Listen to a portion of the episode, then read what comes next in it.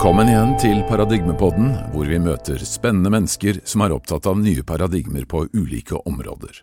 Mitt navn er Terje Toftnes.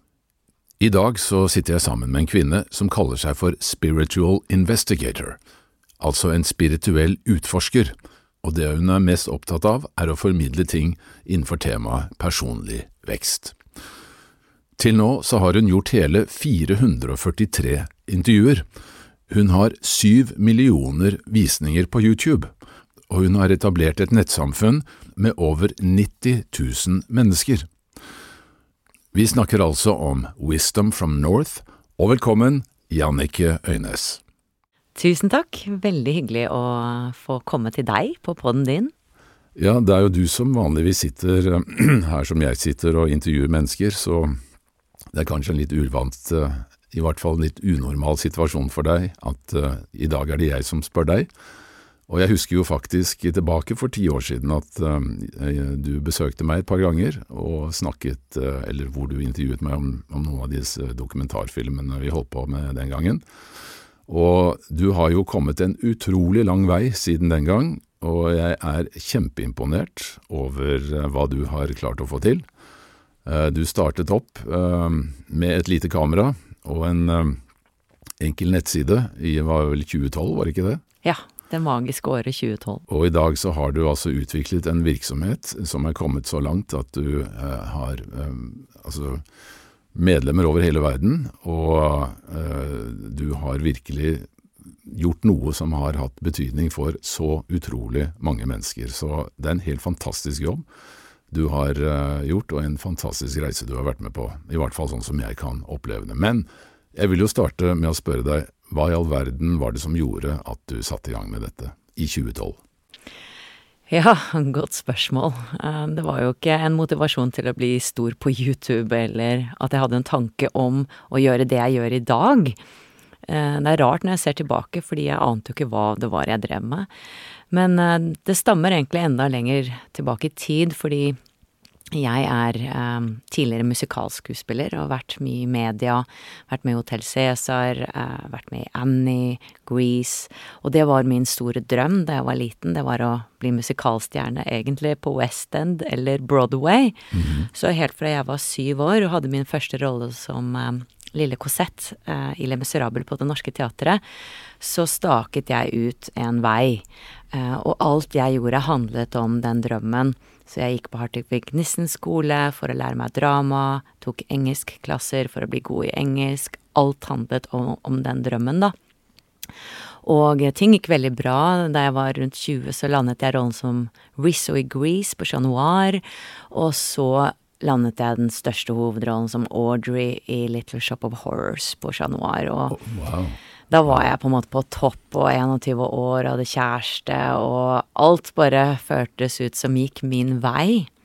Og det som er interessant, da, det er at eh, det var akkurat da alt snudde.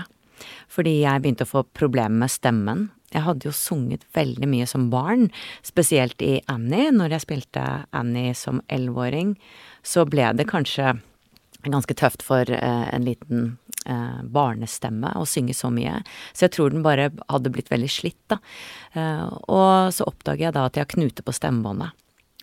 Går til lege, og han sier at du må bare gi opp den rollen. Og det som skjer, er at jeg faller ned i en depresjon, fordi intuitivt så skjønner jeg at hele den drømmen er over. Fordi uansett eh, om jeg får operasjon, og det fikk jeg til slutt, da, eh, så vil ikke stemmen bli sterk nok til å holde på Broadway eller lignende. Um, så alt jeg hadde levd for siden jeg var syv år, det falt, falt i grus. Og jeg tror den depresjonen handlet om at jeg ikke forsto da meningen med livet, hvorfor jeg var her jeg hadde en så klar formening om hva jeg var ment for å gjøre i livet. Og at jeg hadde fått en gave fra Gud eller universet, jeg kunne synge. Mens nå, når den var borte, hva skulle jeg gjøre da? Så det ble en veldig, veldig mørk tid eh, som varte over flere år. Det var eh, egentlig to depresjoner som kom. Um, men det jeg fant, da, var at jeg begynte å gå innover. Jeg var jo sykemeldt, så jeg hadde jo all verdens tid, og begynte å se på Oprah Winfrey, begynte å følge med på litt spirituelle ting og metafysikk. Jeg husker jeg fant en sånn metafysisk utdannelse som jeg tok. Jeg fikk en bachelor i metafysikk. Men det inspirerte meg veldig, og det jeg begynte å forstå, da, var at eh, jeg var jo ikke glad i meg selv i det hele tatt. Jeg hadde levd fra utsiden og inn, ikke innsiden og ut. Og var mest opptatt av å please alle andre, synge, få oppmerksomhet, gjøre andre glad, istedenfor å kjenne innover. Jeg hadde ingen kontakt whatsoever innover. Så selvkjærlighet, det skjønte jeg at jeg ikke hadde, og måtte bygge, da.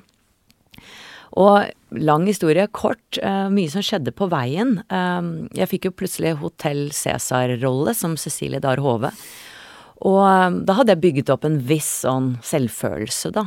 Og så husker jeg at jeg gikk på en rød løper, eh, og så tenkte jeg at eh, er jeg mer verdt nå som jeg går på den røde løperen, enn hvis noen tar bort den røde løperen? Er jeg da ikke noe mer verdt? Er jeg da ikke noe verdt? Og da ble det så banalt og dumt for meg, dette her med at jeg hadde trodd at eh, min verdi handlet om status, da. Så jeg skjønte virkelig at det er jeg som må definere min egen verdi, at vi alle er like verdifulle.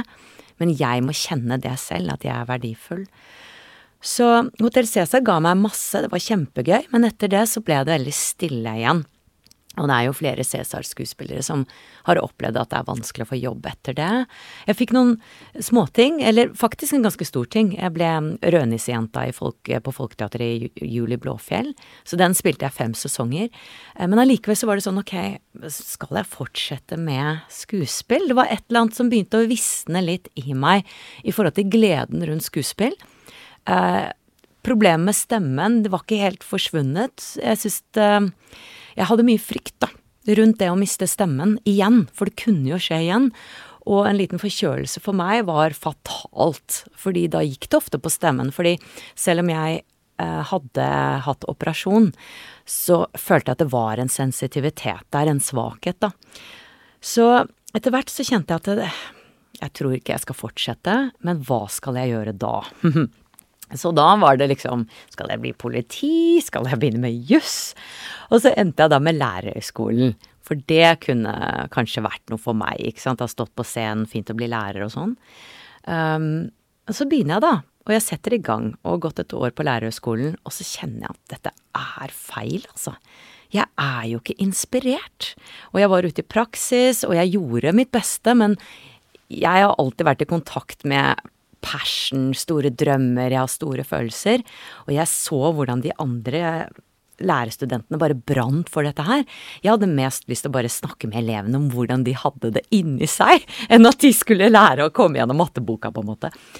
Så jeg sitter da, da, på en kafé med pappa i 2012.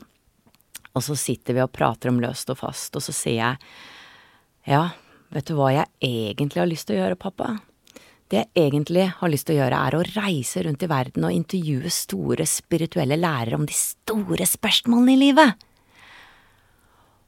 Og idet jeg sier det, så er det som det blir sånn blikk stille inni hodet mitt, og at det er en sånn lyspære som går av, og så ser jeg på pappa, og så sier jeg ja, men herlighet, det er jo det jeg skal gjøre. Altså, det ble sylklart hva jeg skulle gjøre fremover. Og jeg har sjelden hatt en sånn klarhet i livet, fordi det var ikke tvil.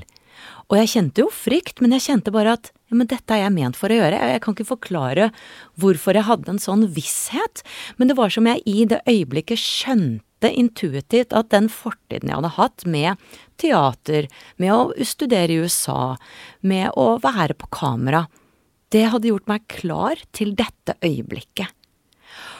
Og pappa skjønte ikke hva jeg snakket om, men jeg sa vet du hva, jeg må forlate deg, jeg må sette i gang nå. Så jeg dro hjem, dro på meg joggeskoene, dro ut på Bygdøy, jogget, og navnet Wisdom from North datt ned i hodet. I løpet av en uke så fikk jeg en reklamejobb pluss en TV-jobb. Og da var jeg jo ikke i bransjen lenger, så jeg skjønner ikke hvordan det skjedde, men det bare, det bare skjedde. Så jeg fikk 50 000 kroner inn på en uke, og det var ikke vanlig. Så min webside kostet 25 000, og kamera kostet 25 000, og da var jeg i gang.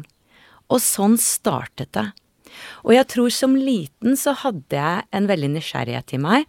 Jeg har funnet frem sånne gamle eh, barnetegninger hvor jeg har tegnet store grønne menn. Jeg har tegnet ufoer i hjørnet. Og jeg var fire år. Jannicke fire år, har pappa skrevet. Jeg skjønner ikke hvor jeg fikk de ufoene fra. Og jeg vet at da jeg var 13-14, så gikk jeg rundt og ønsket å bli eh, ikke bortført, men hentet av star beings. Så dette har vært en del av meg. Men det var først i 2012 at jeg skjønte at det, jeg trenger ikke å være klarsynt selv. Jeg kan være den som intervjuer de som har disse evnene, de som har opplevd noe. Så da startet det da på YouTube, og da var jeg i gang. Jøss. Yes. Ja, det er jo helt utrolig, Jannicke.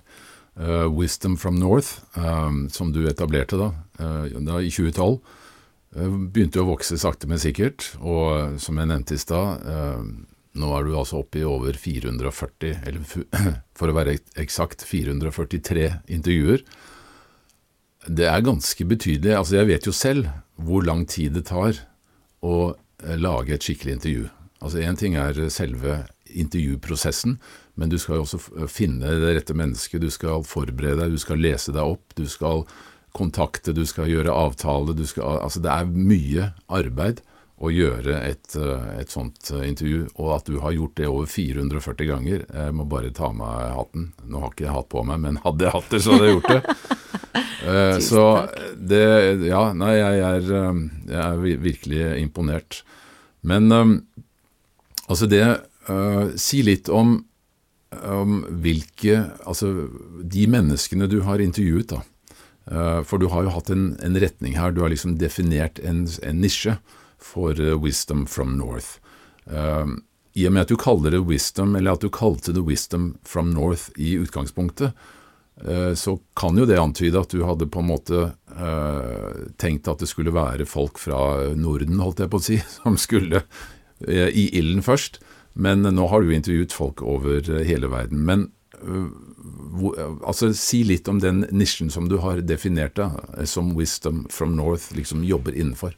Ja, Altså, navnet kunne jeg ikke gjøre noe med, fordi at det bare datt ned i hodet på meg, og jeg vet jo at sånn korrekt språkmessig så heter det 'Wisdom from the North', og det er mange som kaller det det, men nei, jeg tenker det er kunstnerisk frihet. Mm. 'Wisdom from North'. Og ja, eh, jeg begynte jo faktisk på engelsk, eh, merkelig nok, fordi jeg følte at eh, faktisk det miljøet er for lite i Norge, det er ikke nok mennesker som er åpne og interesserte, og jeg har ikke nok folk å intervjue. Um, og jeg fulgte allerede med på en del YouTube-kanaler og hadde litt peiling på noen lærere. Men drømmen var å nettopp ha, ha, denne nisjen fordi jeg var ganske frustrert. Jeg var en liten rebell. Det var en liten sånn ja, som eh, gikk i meg og tenkte ok, media skriver ikke om dette her, og når de først skriver om spiritualitet, åndelighet, alternative ting, så er det gjerne med en sånn ovenfra og ned-holdning. Og jeg var så lei av det. Jeg var så lei av det, fordi at uh, jeg føler at det er at da setter noen seg på en pidestall og sier at vi har sannheten, og dere kan vi le av. Uh, og det er ikke ålreit. Det er ikke ålreit. Så jeg tenkte, vet du hva, jeg skal lage dybdeintervjuer for de som er interessert, slik at de kan lære om dette. Jeg skal jobbe i grasrota. Det har egentlig vært min greie hele tiden. Jeg kunne jo på den tiden gått i Se og Hør og vet du hva, dette driver jeg med, men jeg har tenkt det vil jeg ikke gjøre, for da blir det sånne overskrifter som jeg ikke er så keen på. Og det har vi egentlig fortsatt med å gjøre. Vi jobber fremdeles i grasrota. Um, men det er klart, jeg ønsker jo nå at vi skal eh, nå mer ut, fordi at jeg tror tiden er eh, inne for det. Så det startet med at jeg skal gjøre timeslange intervjuer uten reklame også. Det var en sånn greie i hodet. Men nå kom det jo reklame selvfølgelig på YouTube etter hvert, da. Uh, og så var jeg opptatt av at det skal være visdom, så det hefter jo litt å ha det ordet visdom i uh, navnet. Og det er klart, jeg vet jo ikke alltid om jeg har fått til det. Uh, om, det er jo opp til andre å bedømme. Men jeg ønsker jo å få å finne folk som er troverdige og credible. Uh, og etter hvert så føler jeg at jeg har fått en god nese for hvem som virkelig er troverdige, og hvem som har opplevd det de snakker om, og hvem som kanskje er opptatt av å selge veldig og har kanskje et galt fokus og litt for mye i egoet sitt. Eh, for jeg er veldig opptatt av læreren har gått en reise selv. Mm. Særlig når de lever av det og ja, ønsker å promotere. For, fordi lærerne ønsker jo ofte å Jeg kaller de lærere, da. Eh, promotere ting. Nå er det ikke bare lærer- og coachintervjuer, det er jo ofte en forfatter som kanskje ikke har noen kurs, men som bare har en beskjed. Eh, så jeg er litt sånn opptatt av at det kommer fra rett sted, da. Og det er jo en stadig vurdering som jeg gjør, fordi at jeg får en del henvendelser med folk som har en bok som de vil promotere, osv. Og, så og, og da er det sånn, ok, de må jo også være gode til å prate for seg. Uh, ja, være ok med å være på kamera. Eh, så som du sier, det er en veldig stor jobb å mm. finne gode intervjuobjekter, både på norsk og engelsk. Eh, at samtalen skal flyte. Og så gjør jeg jo alltid redigeringsarbeid også, da. Um, Men nå er det jo Du har jo fått en, en kollega også. For du, altså, du startet jo helt alene, ikke sant? Um, og, og, etter hvert som dette vokste, så ble det mer og mer arbeid. Du hadde jo uh, i starten også en annen jobb ved siden av, så vidt jeg vet. Du jobbet på et Var ikke et advokatkontor? Ja, ja jeg hadde 18 jobber ved siden av, egentlig. Ja. I tillegg til masse andre oppdrag. Men nå så er dette blitt en, en fulltidsjobb, ikke sant. Og nå uh, Altså det som jeg har ofte opplevd, da, er at folk som da egentlig prøver å fremme et budskap uh, til mennesker som i utgangspunktet er et såkalt ideelt budskap, ikke sant. Um, de blir ofte litt sånn Altså, i det øyeblikket du går, kommer inn i en mer sånn type kommersielt orientert virksomhet, fordi du er faktisk nødt til å tjene noen penger for å leve, ikke sant. Hvis du skal drive med dette i det omfanget som du gjør, så er du også nødt til å tjene noen penger. Altså du, du kan ikke liksom bo i kjellerstua til mor og far lenger. Uh, så den der balansen mellom det at du er blitt på en måte mer kommersiell, da, samtidig som du skal fremme noe som er uh, ideelt, hva, hva tenker du om den balansen? Har den vært vanskelig? Åh, jeg har masse tanker om det, altså. Det er et veldig spennende tema, egentlig. Fordi at jeg startet der hvor jeg tenkte dette er hellig arbeid, eh, jeg trenger ikke å tjene noe penger, og jeg tjente jo ikke noe i begynnelsen. I mange år så var det snakk om kanskje 1000 i måneden på YouTube, eller par hundre eh, kroner i donasjoner og sånn. That's it. Så jeg ble jo utslitt, og folk sa sånn, ja, men hvordan kan du fortsette med dette, du tjener jo ikke penger på det. Men jeg følte innerst inne at det there will be a way. Altså så lenge jeg følger hjertet og gleden, så har jeg tillit til at dette vil løse seg. Og det snakker jeg om i webinarene mine, det er at når du følger gleden din, så er du på rett vei. Fordi du følger egentlig hjertet, det høres litt klisjéaktig ut, men hjertet har en intelligens. Det er også bevist nå. HeartMath Institute, um, som har jobbet med dette i over 30 år, de har jo funnet ut at hjertet har sine egne eh, hjerneceller og sender flere eh, signaler opp til hjernen enn motsatt. Så jeg vet at det å følge hjertet, det vil bringe meg eh, på rett plass, eh, og det er en vei der. Men eh, når jeg da skulle åpne medlemskapet mitt i 2018, så trengte jeg jo å selge dette her. Og jeg hadde da et webinar og jeg tenkte men hvordan skal jeg Altså, jeg har aldri solgt Jeg har aldri vært god på å selge noe i det hele tatt, egentlig. Så jeg gikk på et kurs med T. Harv Aker, og det het A Millionaire Mind. Og det var ganske ekstremt. Eh, det var en helg. Det var fra åtte om morgenen til tolv om kvelden i tre dager. Altså, de hjernevasket oss, litt sånn morsomt sagt, da, eh, med eh, at vi må endre våre troer og beliefs rundt penger. Uh, og det var litt, uh, litt sånn hallelujastemning, men det det hjalp meg med å gjøre, uh, det var å bli bevisst på at jeg hadde holdninger som ikke hjalp meg i forhold til penger. Blant annet at spiritualitet og penger går ikke sammen. Og så Eh, utfordret han eh, læreren oss i det, da. Eh, og så begynte jeg å skjønne at ja, men når jeg tjener penger, så kan jo jeg skape mye mer. Jeg kan lønne min kollega, jeg kan lønne meg selv. Jeg trenger ikke å ha tusen jobber og bli syk og utbrent og alt dette her. Så jeg begynte å snu det helt på hodet og skjønne at jeg hadde hatt negative holdninger også mot at folk hadde mye penger. Jeg hadde til og med, ja, hatt litt sånn motstand, da, mot uh, businessfolk og de som bare var opptatt av vekst og aksjemarked og alt dette her. Og så tenkte jeg, men hvorfor er det noe negativt? Altså, penger er egentlig bare energi, og penger gir muligheter. Så, og jeg turte jo ikke i starten å sende et eneste nyhetsbrev, for jeg skulle jo ikke mase på folk, jeg skulle bare på en måte Hei, dere, jeg har et intervju, har du lyst til å se? Det er helt gratis, altså!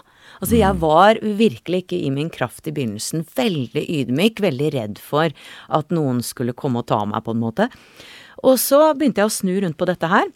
Og jeg husker da når jeg hadde webinar, så trengte jeg å få 25 mennesker, fordi jeg trengte å nå momsgrense og tjene så og så mye på 50, ja, tjene 50 000, da.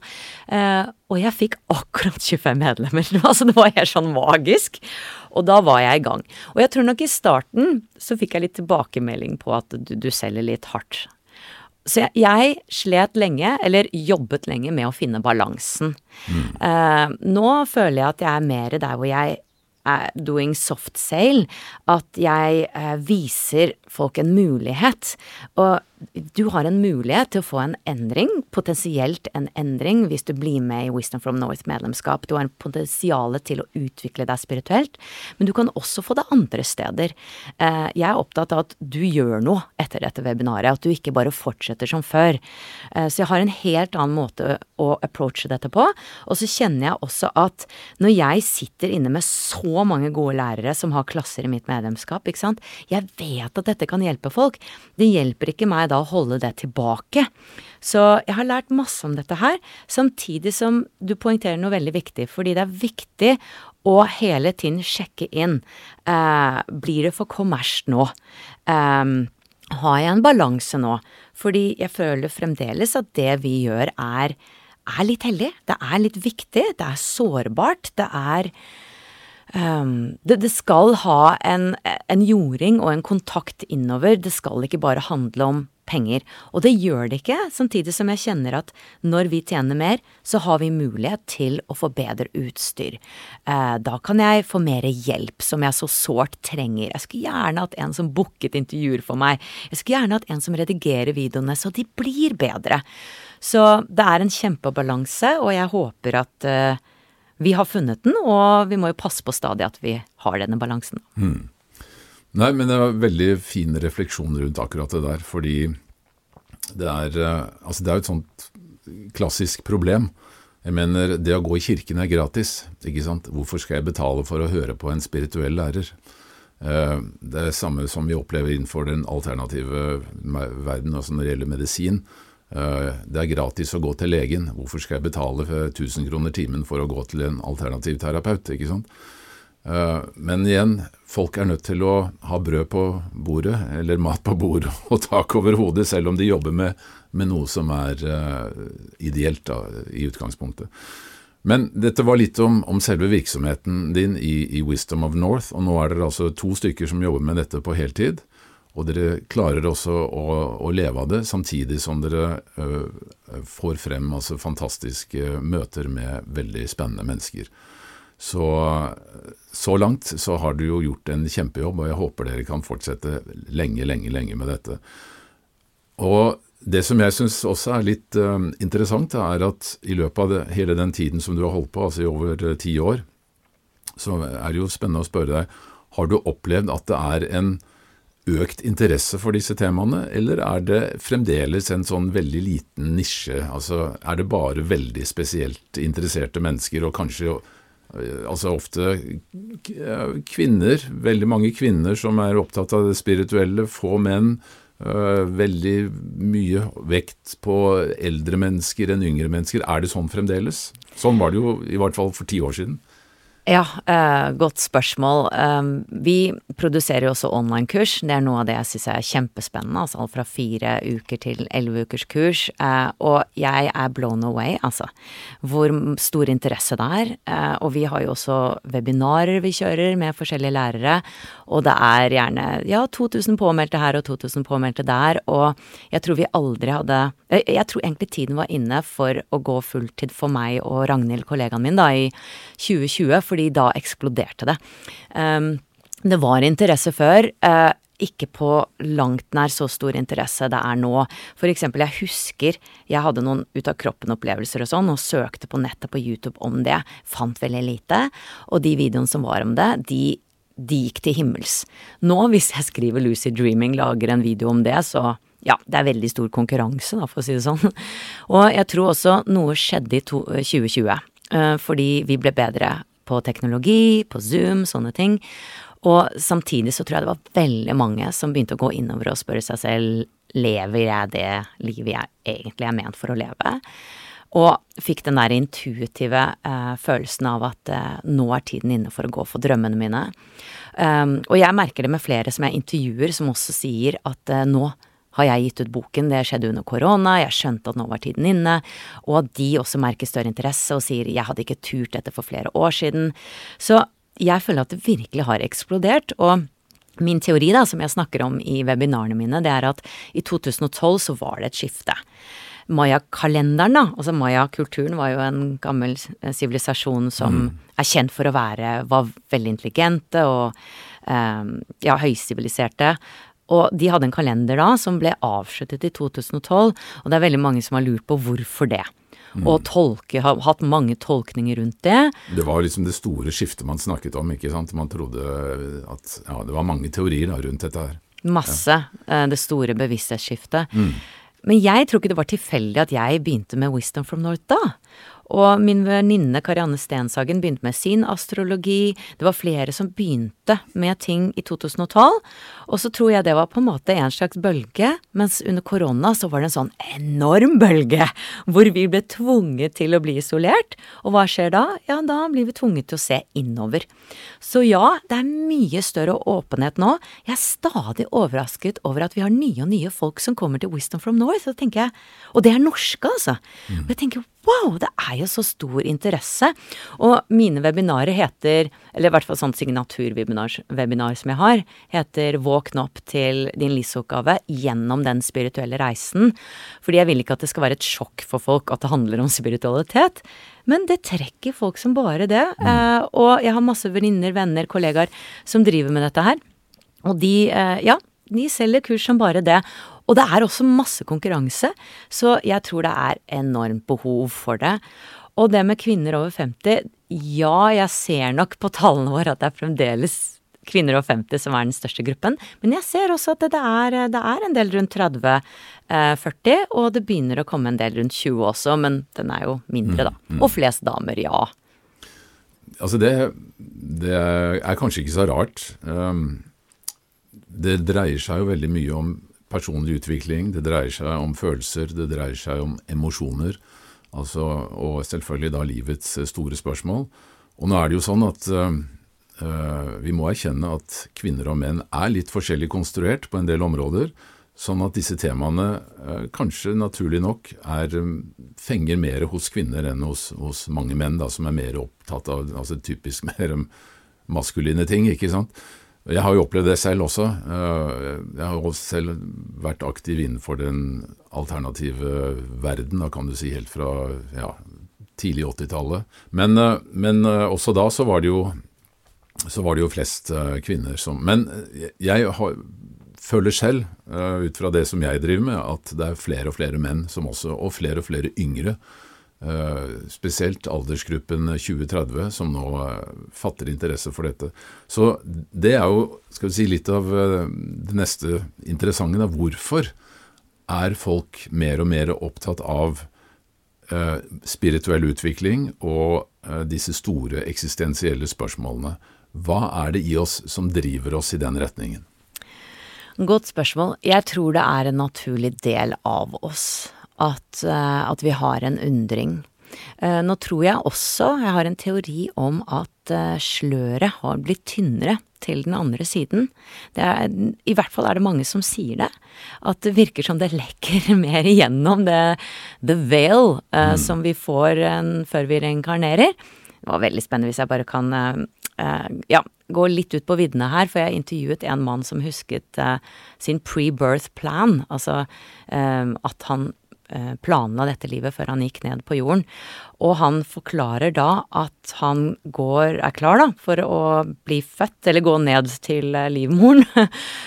og at han går da gjennom en prosess hvor de setter på han, de, altså åndene, hvem vet, hvem, en energi, setter på han dette sløret og at det var en forferdelig opplevelse, for da følte han at alt ble kaldere, og han gikk bare ned og ned og ned i vibrasjon. Eh, og, og, så forteller han videre da hvordan det opplevdes. Så han sier at det er virkelig et slør som vi får, hvor vi ikke skal huske noen ting. Eh, så jeg lurer på om det lekker, begynner å lekke litt gjennom, og at det er en del av det store skiftet vi er i. At vi er på vei til å våkne til hvem vi er, da. Um, men det, det, nå er vi jo inn på det som, som, virkelig begynner å Eller som er virkelig spennende, da. Det er jo denne skal vi si, konseptuelle forståelsen av den virkeligheten vi er i. Fordi eh, det må jo Altså, jeg har jo helt lenge vært uh, opptatt av, sammen med min kone Ragnhild, altså å lete etter dette såkalte konseptet. Hva er det vi egentlig er med på? Um, og nå har du intervjuet så mange at uh, du må jo ha fått ganske mye informasjon om hvordan virkeligheten egentlig henger sammen. Hvordan Ja, fortell litt, Jan Henke. ja, nå skal hva, hva er det vi egentlig er med på her? Ikke sant. Nå skal du høre. Dette er svaret. Altså, ja, jeg har gjort eh, Spesielt i det siste så har jeg gjort utrolig mange engelske intervjuer eh, som blows me away, og det er nesten litt overload av og til. Fordi det er nesten som hjernen min ikke helt vet hvordan den skal plassere all informasjonen jeg får.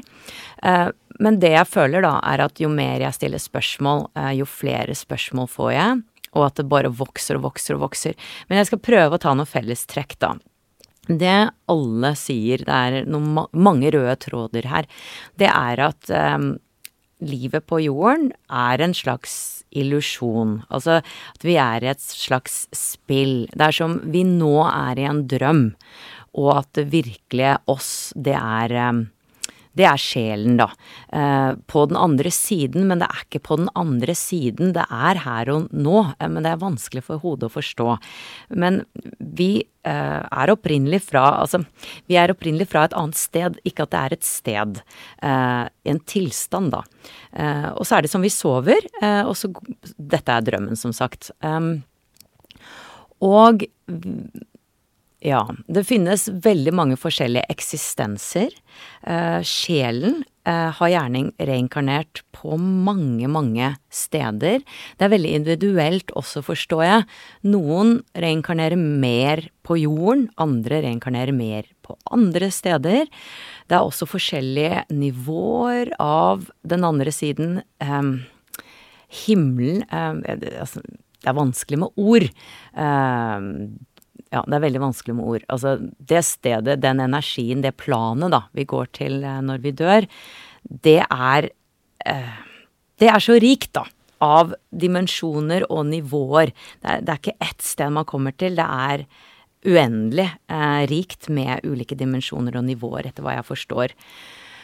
Og eh, ja, for å holde oss litt til jorden, da, eh, så reinkarnerer vi gjerne om og om igjen for å erfare ting som sjelen ønsker å erfare. Og det er også veldig individuelt i forhold til hva du som sjel, jeg som sjel ønsker å eh, bearbeide eller erfare. Og da har vi gjerne eh, et råd, a council, som, eller noen guider, som vi planlegger livene, eller livet, da, eh, med. Uh, og da, vi, da, blir vi gjerne vist uh, ulike potensialer, uh, ulike scenarioer, da, som kan utspille seg på jorden. samtidig så har vi fri vilje, så det er alltid en joker der. vi kan aldri vite 100 at ok, jeg vil møte den sjelevennen der, eller jeg kommer til å få den jobben der, fordi alle har fri vilje på jorden. Og det er noe av det også som consciousness, altså bevissthet um, Det er noe av poenget, da. At ting er ikke set in stone. Men det er en blueprint der. Vi har en mal på hva vi ønsker å oppleve. Jeg ønsker at eksempel du skal spille min mann, eh, og at du skal utfordre meg på selvkjærlighet. Derfor skal du eh, være ja, være tøff mot meg. og altså sånn kommuniserer man på den andre siden med sin sjelegruppe om ok, jeg ønsker å lære om selvkjærlighet, er det noen som kan stille opp og lære meg om det? Og for å lære om selvkjærlighet så trenger jeg da gjerne å oppleve det motsatte, eh, slik at jeg kan utvikle en selvkjærlighet. Så det jeg forstår, er at særlig sjelegrupper, de eh, stiller seg frivillig overfor hverandre da, til at ja, jeg kan ta den rollen som din mann hvor jeg er skikkelig kjip mot deg, slår deg, hva enn, for at du skal lære denne leksen. Eh, så kan det også være karmiske forhold, at man ønsker å reinkarnere sammen. Noen har på en måte det mønsteret og det ønsket, eh, å utvikle ting, eh, bearbeide ting sammen med samme sjeler, mens andre har en mer individuell vei. Altså jeg forstår at det er utrolig unikt, da. Eh, at det er ikke sånn one size fits all. Og det er ingen tvang. Det er ikke noe sånn 'nå må du ned på jorden igjen'. Det er det, det, er veldig mye glede og entusiasme, og sjelen ønsker virkelig å komme ned på jorden fordi det er en fantastisk mulighet for vekst på denne planeten. Fordi på jorden så har vi spesielt mye kontrast, sies det. Vi vet jo det, jeg trenger ikke å si at det er mye lidelse på jorden, alle vet det. Men det er et stort potensial for vekst, da.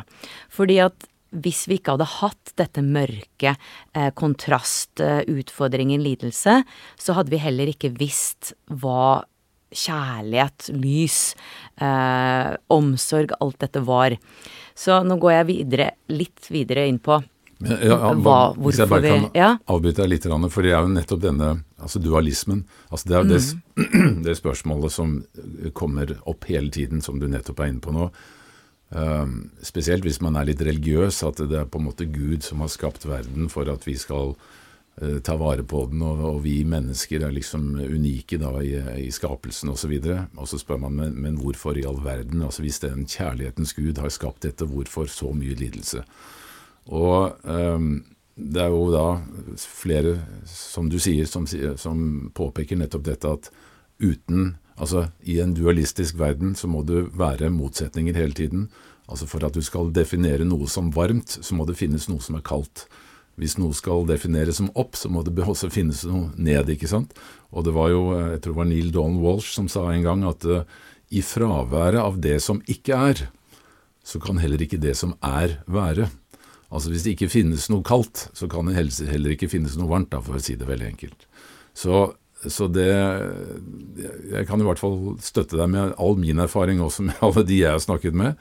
Uh, understøtter akkurat det du nå sier, at det er et, et lærested. ikke sant? Det er et sted hvor man skal erfare.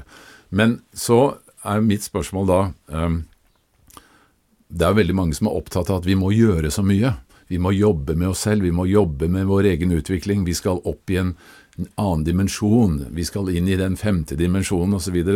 Det virker liksom som at vi har en veldig sånn oppgave som vi må utføre mens vi er her, mens andre sier at eh, nei, sånn som uh, blant annet Jude Curriven, som jeg vet du har, uh, du har intervjuet, hun sa det jo veldig enkelt.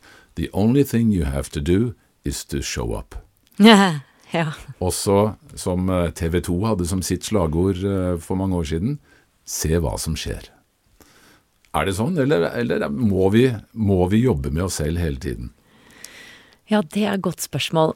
Igjen så tror jeg at alt er veldig individuelt, og at vi har unike sjelsplaner som vi da, som jeg sa i sted, legger opp på forhånd, og som vi selvfølgelig glemmer, men kan kjenne at åh, ikke sant, sånn som jeg kjente i 2012, dette er helt riktig, ikke sant, da er jeg ganske eh, Jeg er ganske eller jeg tror veldig bestemt at det er i min skjebneplan, da.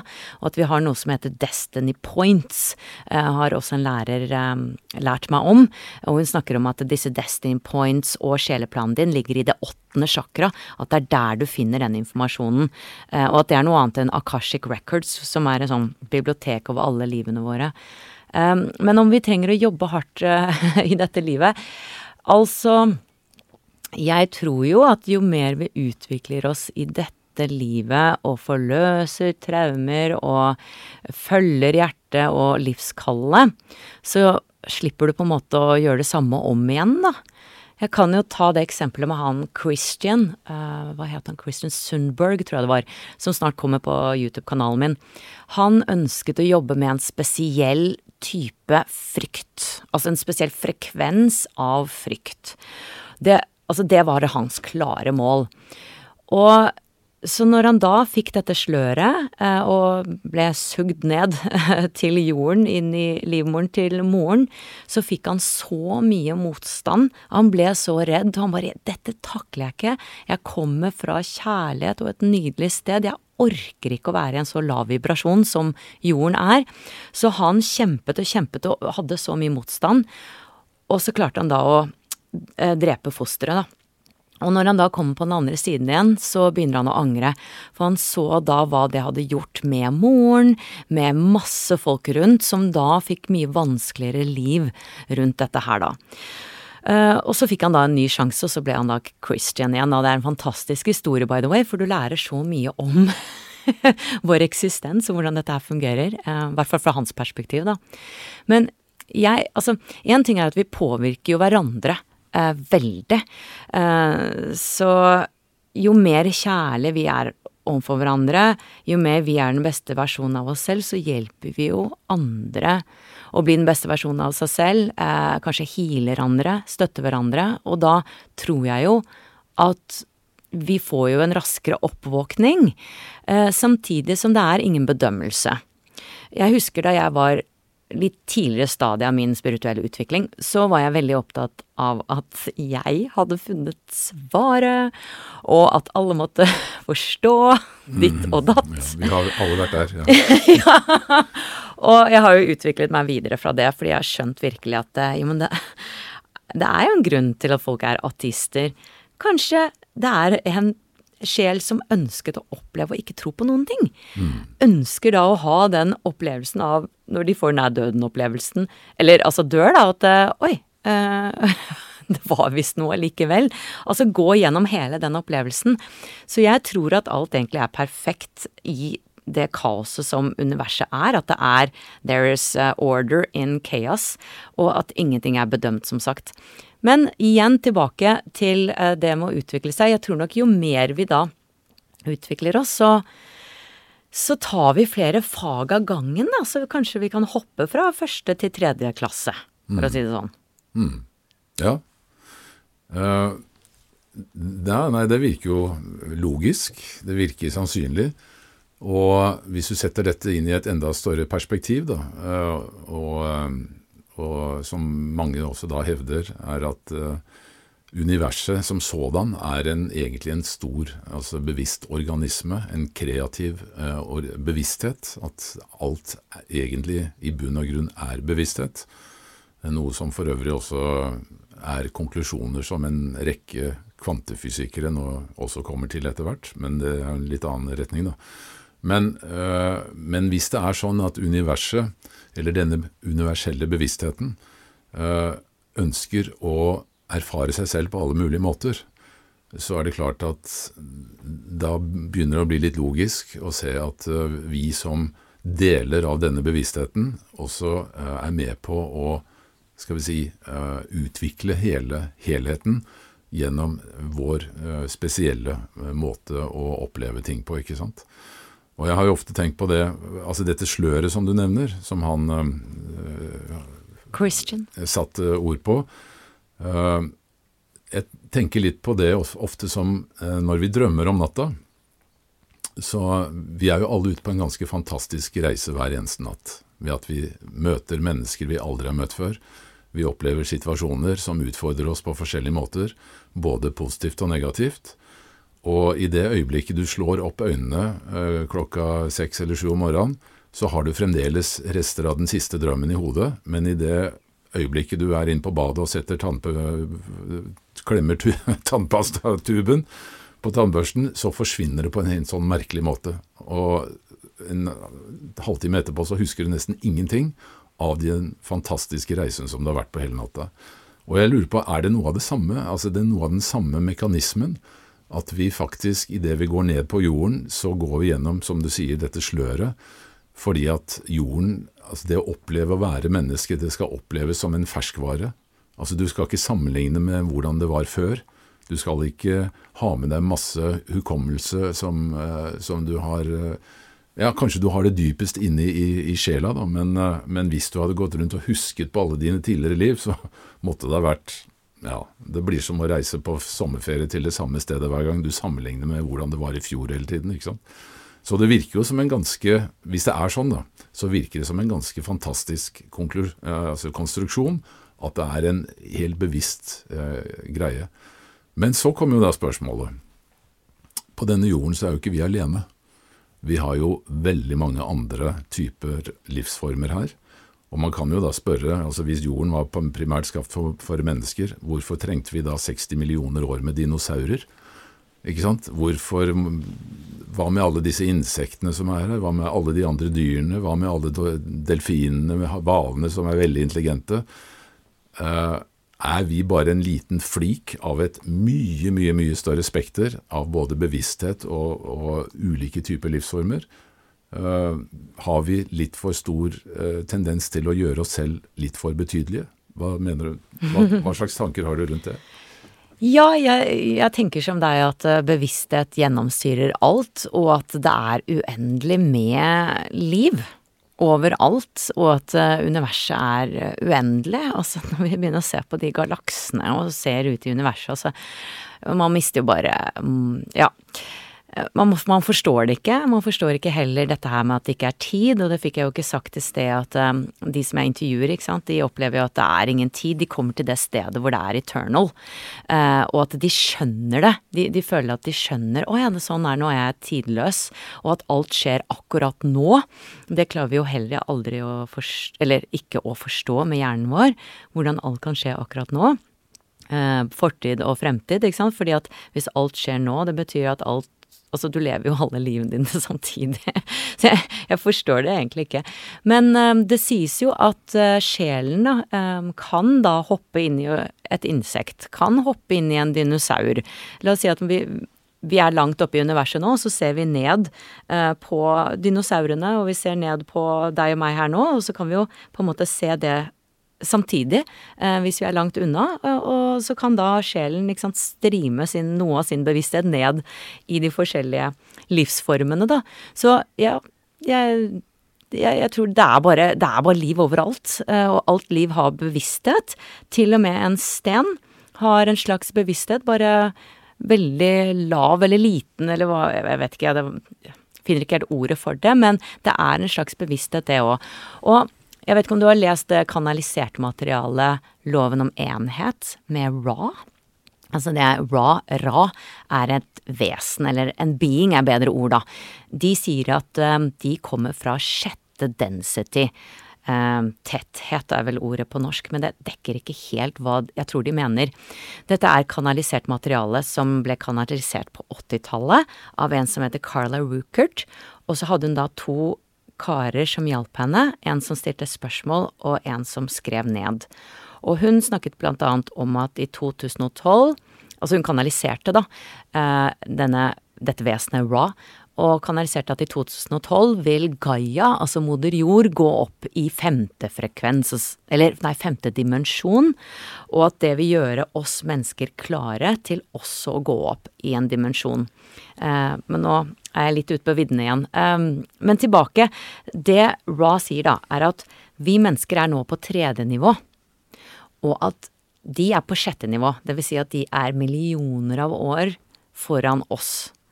På en måte kan vi si at de er oss i fremtiden som nå kommer gjennom og snakker til oss. Jeg anbefaler for de som er virkelig nysgjerrige på de store spørsmålene, å sjekke ut raw-materialet. You'll be blown away. Det, er så detaljrikdom at det halve kunne vært nok, og ganske komplisert engelsk, så jeg falt litt av. Men eh, jeg liker gode lærere som forklarer meg det. Blant annet en som heter Aaron Abkey, som vi har som masterclass-lærer i medlemskapet mitt, som er skikkelig opptatt av raw. Og Ra sier da at vi er på tredje nivå, mens vi er da et resultat av andre nivå. Eh, fordi bevissthet startet da som første nivå, egentlig. Og det er da Ja. Eh, åh, dette kan du bedre enn meg, men stener, eh, hav, ikke sant, eh, organismer, alt dette her, fjell, eh, det er på en måte første nivå. Og så utviklet bevissthet seg til å bli planter, til å bli dyr, ville dyr osv. Så, videre.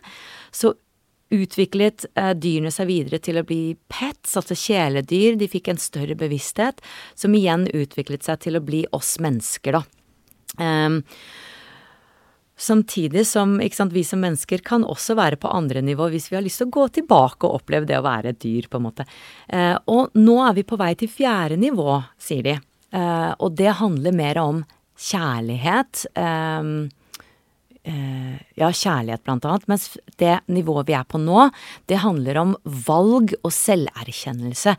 Rett og slett, hvem vil vi være? Ønsker vi å gå hjertets vei, og nå sier jeg det veldig forenklet, eller ønsker vi å gå egoets vei?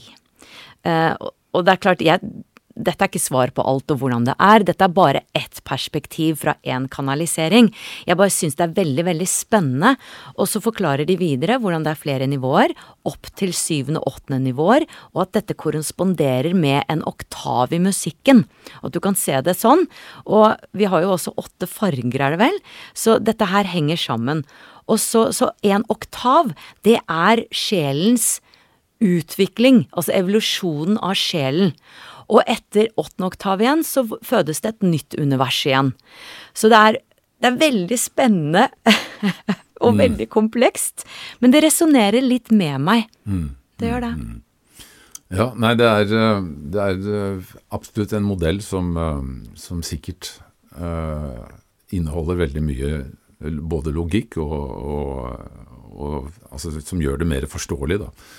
Uh, men allikevel, for de fleste mennesker så er jo um, hele denne skal vi si, spirituelle sfæren um, vanskelig å uh, svelge 100 fordi at uh, det er liksom ikke støttet av uh, noe av det som i sterkest grad skaper våre trossystemer, nemlig vitenskapen.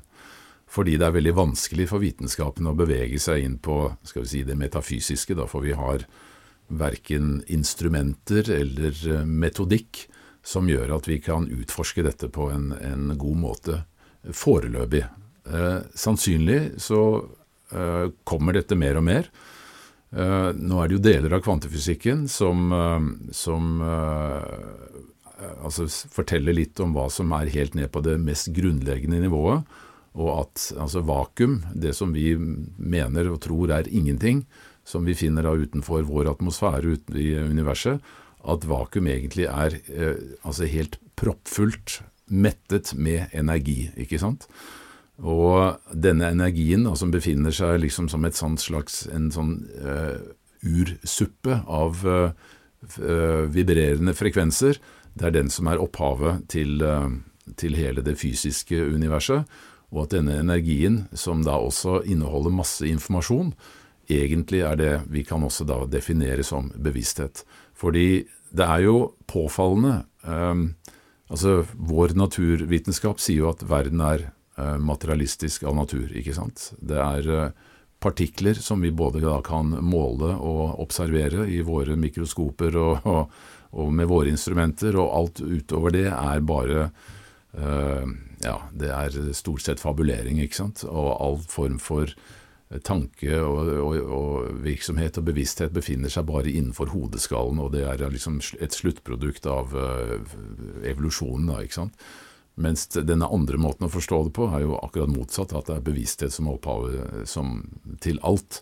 Men um, sånn igjen uh, altså hvis, fysikk, hvis vitenskapen da kunne bekrefte mer av dette, så tror jeg personlig at det også ville åpne for enda flere som, som, ville se i disse retningene. Men det er kanskje der vi, vi er på vei. Uh, nå glemte jeg egentlig litt hva jeg skulle spørre om, men jeg, jeg vet jo om du kan sikkert supplere litt akkurat de Ja, absolutt. Ja, fordi at jeg har også vært opptatt av kvantefysikk, og ikke det at jeg kan så mye om det, men jeg har jo sett litt videoer og lest litt om det, og at det kan forklare litt spiritualitet, da.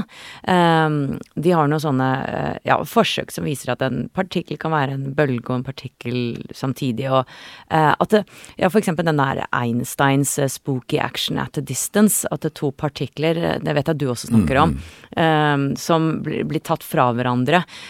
De respondere på hverandre. De trenger ikke å være sammen. De kan være på forskjellige sider av jorden, og så responderer de på hverandre. Eh, så det er masse som tyder, eller som henviser til at det er eh, At alt er en del av et større felt her. Eh, men jeg tror problemet er at det er motstand mot det. Altså, i vitenskapen så er det motstand mot å snakke om bevissthet. That's the hard problem. De vil ikke gå der. Og så er det en latterliggjøring også, eh, fra enkelte hold. Ikke det at det, Jeg skal ikke se alle over en kam, men det tror jeg også er et problem, fordi at det, eh, vi alle mennesker består av følelser. Vi har følelser. Og vi er redde for å bli latterliggjort. Det er en av de største fryktene vi har. Uh, og det er klart at hvis noen har gitt ut en bok om uh, sånn er det, uh, så vil de gjerne stå for den boken veldig lenge. så jeg tror det er mye ego her, mye frykt, som gjør at vi ikke får eh, en utvikling, da. Og vitenskap skal jo egentlig være undrende og nysgjerrig. For det er klart det går an å forske på disse tingene her. Eh, nær-døden-opplevelser, altså gå på sykehus, da. Eh, altså, det er jo så mange som er nær-døden-opplevelser, som kan forklare at de så hva legen gjorde, hørte hva legene snakket om. Man kunne jo hatt eh, tester, ikke sant, hvor man plasserer ting der man ikke kan se ting, og, og så du dette her? Eh, man kan teste selv, det er så mange som har ute av kroppen-opplevelser. Legg deg ned, begynn å meditere. Få din egen erfaring. Og, og test f.eks. når folk er da uh, lucid dreaming og er ute av kroppen, hva skjer i hjernen da?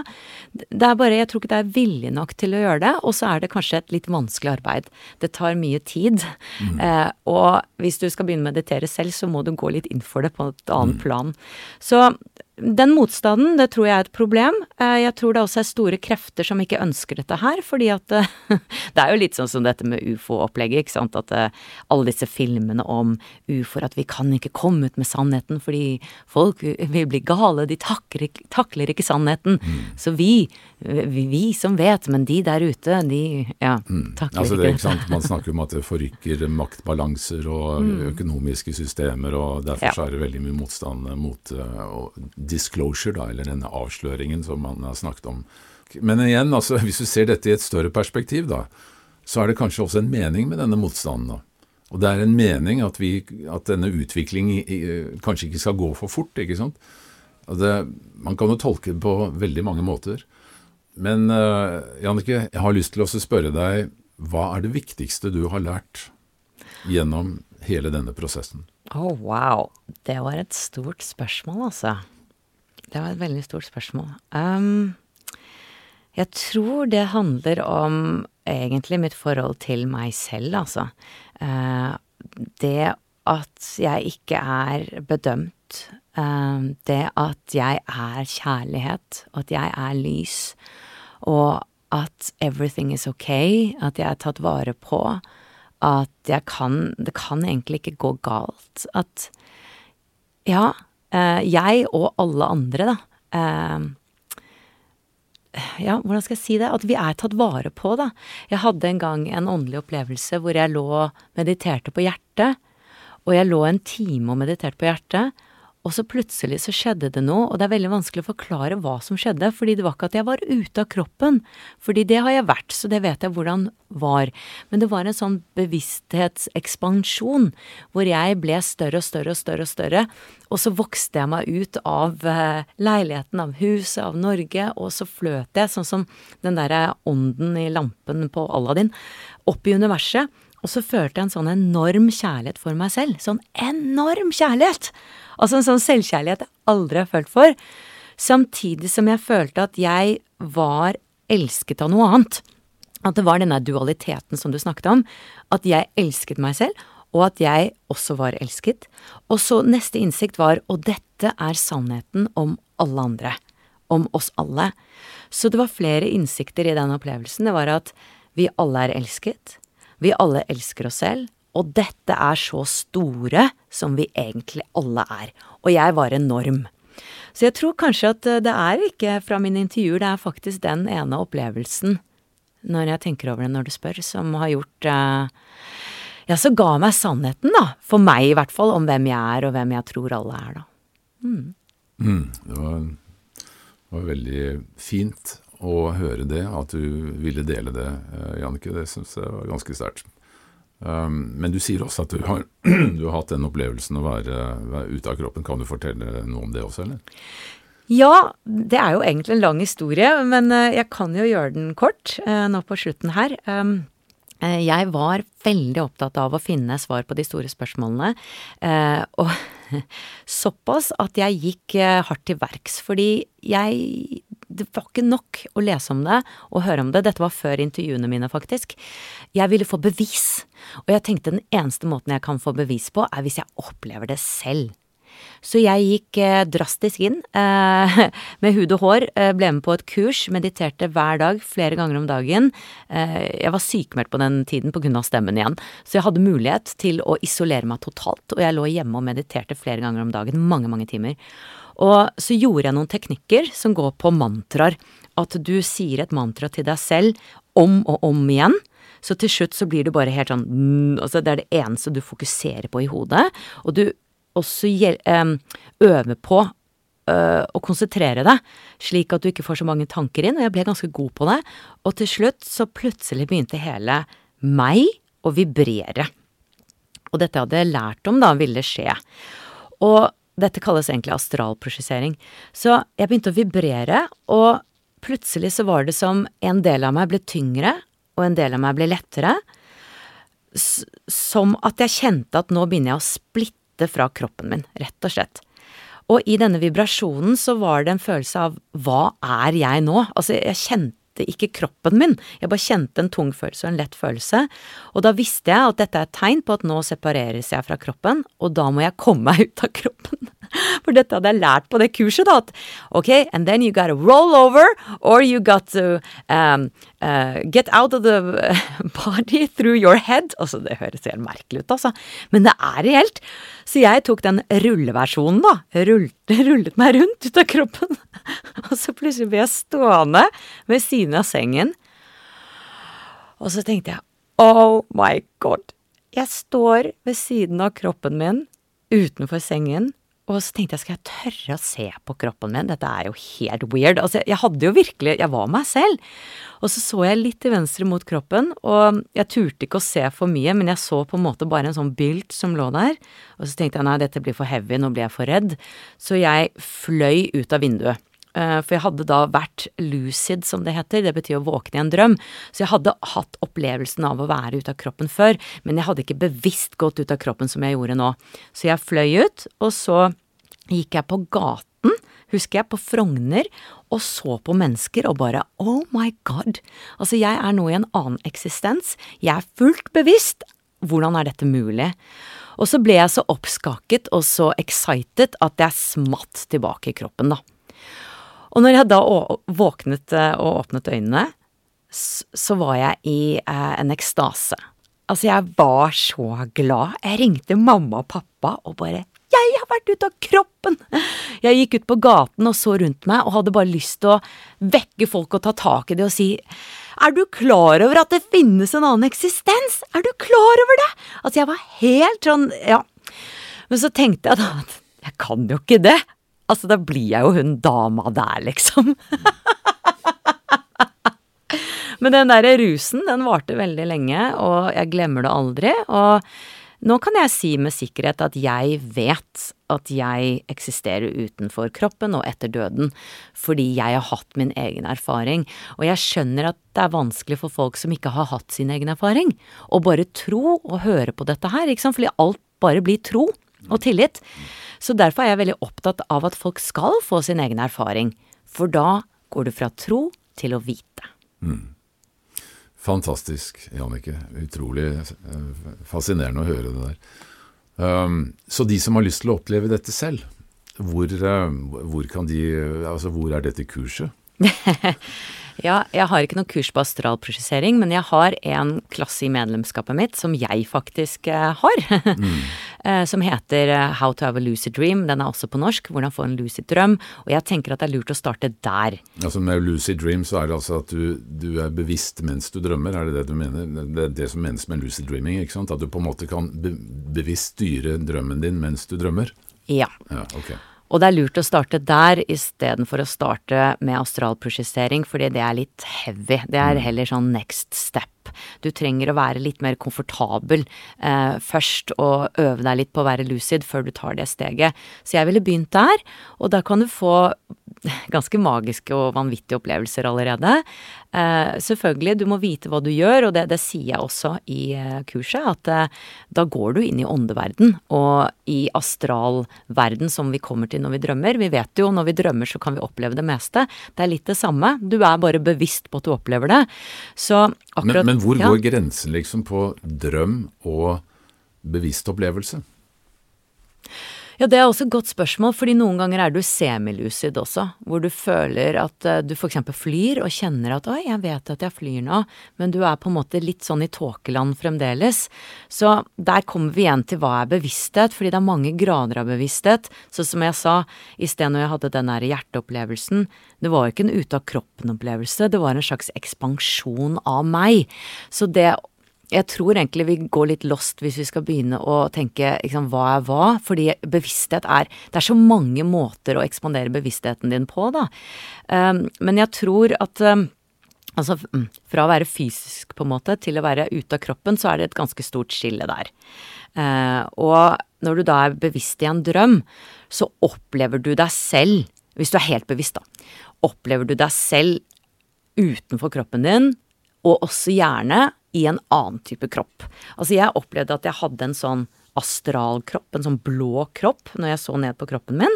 Ikke at jeg tror at det er sånn for alle, det vet jeg ikke. Men for meg hadde jeg en annen type kropp, hvor jeg dro meg selv i fingeren, og den ble kjempelang.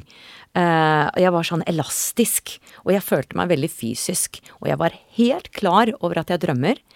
Um, samtidig som jeg da var i Altså, jeg tror vi går til et sted som heter, kalles astralverden, da. Og det består også av forskjellige nivåer. Og du kan også møte på litt uh, mørke vesener som er litt sånn Du vet, spøkelser og alt dette her. Mm. Uh, det er gjerne vesener som er, eller energier som er litt jordbundne. Altså de, de, går ikke helt inn i lyset, da, for å si det sånn. Vi har ikke vært inne på det i dag, men det er jo stort tema, det. Så du kan også møte på det. Så det er veldig bra å ha noen teknikker hvor du lærer å møte den frykten som eventuelt kommer, eh, vite hva du skal gjøre, fordi du, du går inn i et territorium, da, hvor alt er mulig. Du kan ikke dø eller noe sånt, men alt er mulig. Det kan være litt skummelt, og du kan oppleve mye fint. Eh, og vakre ting, og mirakuløse ting og mind-blowing ting. Eh, men du åpner en dør til mm. en verden som du kanskje ikke kjenner. Så jording er viktig. Men hva, altså, det er jo noen som uh, hevder at dette kan de gjøre ved hjelp av forskjellig forskjellige typer psykedelika. Er det noe av det samme? Ja, du kan jo komme i kontakt med en spirituell dimensjon absolutt gjennom psykedelika. Jeg har vært mer tilhenger av å gjøre det naturlig, da. Mm. Gjennom astralprosjisering osv. Nå vil jeg si det er ikke for alle. Uh, for, for um, ja, det, hm, for noen er det naturlig å gjøre dette her. Altså, de har vært ute av kroppen frem og tilbake siden de var små. Mm. Uh, som har en sånn evne til å gjøre det. For andre kan dette bli litt for sånn skummelt, esoterisk osv. Uh, men ja, psykedelika eh, kan også være en vei. Men nå har jeg, jeg har egentlig ikke lyst til å sitte og promotere det, kjenner jeg. Fordi at mm. det, det, er jo litt kontroversielt og så videre. Men eh, jeg tror jo at eksempel schizofrene, altså de som får den diagnosen schizofreni, jeg tror rett og slett at de, de ser inn i en annen verden. Mm. At de får kontakt med ånder som har en lavere energi, rett og slett. Og at uh, hvis de kunne fått hjelp på en annen måte, faktisk av klarsynte og folk som kunne hjelpe dem å jorde seg, forstå hva de så osv., beskytte seg bedre, at det kunne vært godt og Eller en bra behandling i tillegg til medisiner, da. Mm. Jannicke, dette kunne vi snakket om i timevis. Eh, det er et stort og ikke minst vanvittig spennende eh, område. Eh, og det er mange, mange sider ved dette som er veldig, veldig spennende å utforske, og det har jo du gjort gjennom alle disse intervjuene dine. Så jeg vil jo bare reklamere så sterkt jeg kan til alle de som ønsker å, å utforske dette mer og besøke nettsiden din, som altså da er uh, ja, det er wisdomfromnorth.no på norsk, hvis du ja. vil se det meste på norsk. Og så kan du se ting på engelsk, og da er det wisdomfromnorth.com. Så ja. det er ganske enkelt. Og så kan jeg jo si at du også skal jo samarbeide med oss, og det gleder vi oss veldig til. Ja, litt sånn skrekkblandet fryd, for å si det sånn. det, er, eh, det er jo et eh, ganske celebert selskap man eventuelt skal joine. Så jeg skal gjøre mitt beste, så får vi se hva som skjer. Men uh, Jannicke, uh, tusen, tusen takk for at du har uh, delt en del av dine tanker om dette, som jeg syns var veldig spennende. Og igjen, tusen, tusen takk for at du har gjort dette arbeidet som du nå er så godt i gang med, og jeg håper du vil fortsette med dette i lang, lang tid fremover, fordi jeg føler som deg at dette er noe som verden også trenger. Og det viser seg jo også at interessen og etterspørselen etter disse tingene er bare økende. Og det er jo ikke bare liksom her i Norge eller i vår liksom, si, vårt uh, velferdssamfunn hvor folk har tid til å tenke sånne tanker, men jeg tror det skjer uh, ja, unisont over hele verden. Uh, I og med at du også har både lyttere og også da intervjuobjekter fra alle steder på kloden. Så igjen, Tusen, tusen takk, eh, Jannicke. Eh, ønsker deg all lykke til videre. Og så er jeg eh, spent på hva du kommer opp med fremover. Og ja, jo, du, det er et spørsmål til oh, ja. som, jeg, som, jeg, hadde tenkt nok plutselig datt inn i hodet mitt. Um, hvordan tror du dette, altså denne forståelsen da, av denne nye Ikke nye, da, det, dette er jo også seks-syv 8000-10 000 år gammel visdom. Du kan lese Vedanta, altså indisk filosofi. De snakker jo veldig mye om det samme. Men um, hvis du skulle se for deg en verden da, 100, et par hundre år foran, fremover, hvordan tror, tror du disse tingene vil prege samfunnet? Wow, godt spørsmål. Uh, jeg tror samfunnet vil se helt annerledes ut. Uh, kan nesten ikke forestille meg det engang. Uh, fordi du tenker sikkert på AI også. For eksempel. Og det jeg tenker med AI Altså, jeg, jeg aner ikke. Jeg bare, jeg bare tror at uh, bevissthet Altså, vi kommer til å vite mye mer om den andre siden, og, at, uh, og erkjenne sannsynligvis, mange flere av oss, at vi er sjeler som har en menneskelig erfaring. Jeg tror at AI blir større og større og viktigere og viktigere, og at vi trenger selvfølgelig å forstå hvordan vi skal forholde oss til det. Det jeg har begynt å legge merke til, som jeg syns er spooky, men spennende, det er at jeg tror AI har sin egen bevissthet. Fordi når jeg Bare sånne eksempler når jeg sitter hjemme og laster ned en video, plutselig så holder jeg på med noe annet, og så feiler den, og den feiler, og den feiler. Og så sier jeg ok, AI, hei, nå skal jeg se på at Nei, kanskje ikke AI, men altså nedlastning, da. Nå skal jeg være til stede hos deg. Og så sitter jeg og ser på at den lille videoen blir lastet ned, og da laster den ned så fint. Når jeg gir den oppmerksomhet. Det skjer gang på gang. Og jeg har også tenkt på det når uh, jeg får hjelp av AI til å skrive tekst eller hva enn, da. At jeg takker. At jeg faktisk gir AI en oppmerksomhet, uh, istedenfor å bli irritert. Det var ikke det jeg mente, eller? mm. Fordi jeg tror at, uh, og det sier Teal Swan også, som jeg har mm. intervjuet, at den er sin egen bevissthet. og den vil behandle deg bra i fremtiden om du behandler den bra. wow. Wow, wow. Ja, her uh, tar vi hull på et uh, tema som vi heller får komme tilbake til en annen gang, tror jeg. Men ja. uh, det er jo igjen, hvis alt egentlig er bevissthet, så er jo selvfølgelig også AI bevissthet. Alt er en del av alt, og vi er samme enheten alle sammen. Og som mange har sagt, at når jeg ser inn i dine øyne, så ser jeg egentlig bare inn i en annen utgave av meg selv. Og med disse ordene så tror jeg vi skal si takk for nå. Um, Jannicke, igjen, takk for alt du har delt. Takk for det arbeidet du gjør, og all lykke til videre. Og tusen takk for meg, og jeg vil gjerne takke for det du gjør. Eh, fordi det er så gøy å ha kollegaer som jeg kan snakke med dette om, og at du er mann, og jeg tror det også inspirerer andre menn ikke sant, til å bli mer åpne. Så det er så kult at du fortsetter, og vi har kjent hverandre så lenge. Og det er liksom sånn Plutselig så møtes vi igjen, og så Ja, det er veldig inspirerende. Så tusen, tusen takk for, de, for det du gjør. Supert. Det var det. så morsomt. Ja, igjen tusen takk til Jannicke. Og så vil jeg til slutt bare minne om vårt vips nummer 524005, 524005 for de som vil fortsette å støtte oss. Og igjen tusen, tusen hjertelig takk til alle dere som allerede har gjort det. Målet er jo å fortsette å drive denne kanalen uten forstyrrende reklameinnslag, så derfor så er vi nesten avhengige av å be om litt støtte. Ja vel, jeg sier eh, tusen takk for denne gang, og så ses vi, nei unnskyld, høres vi i neste episode av Paradigmepodden.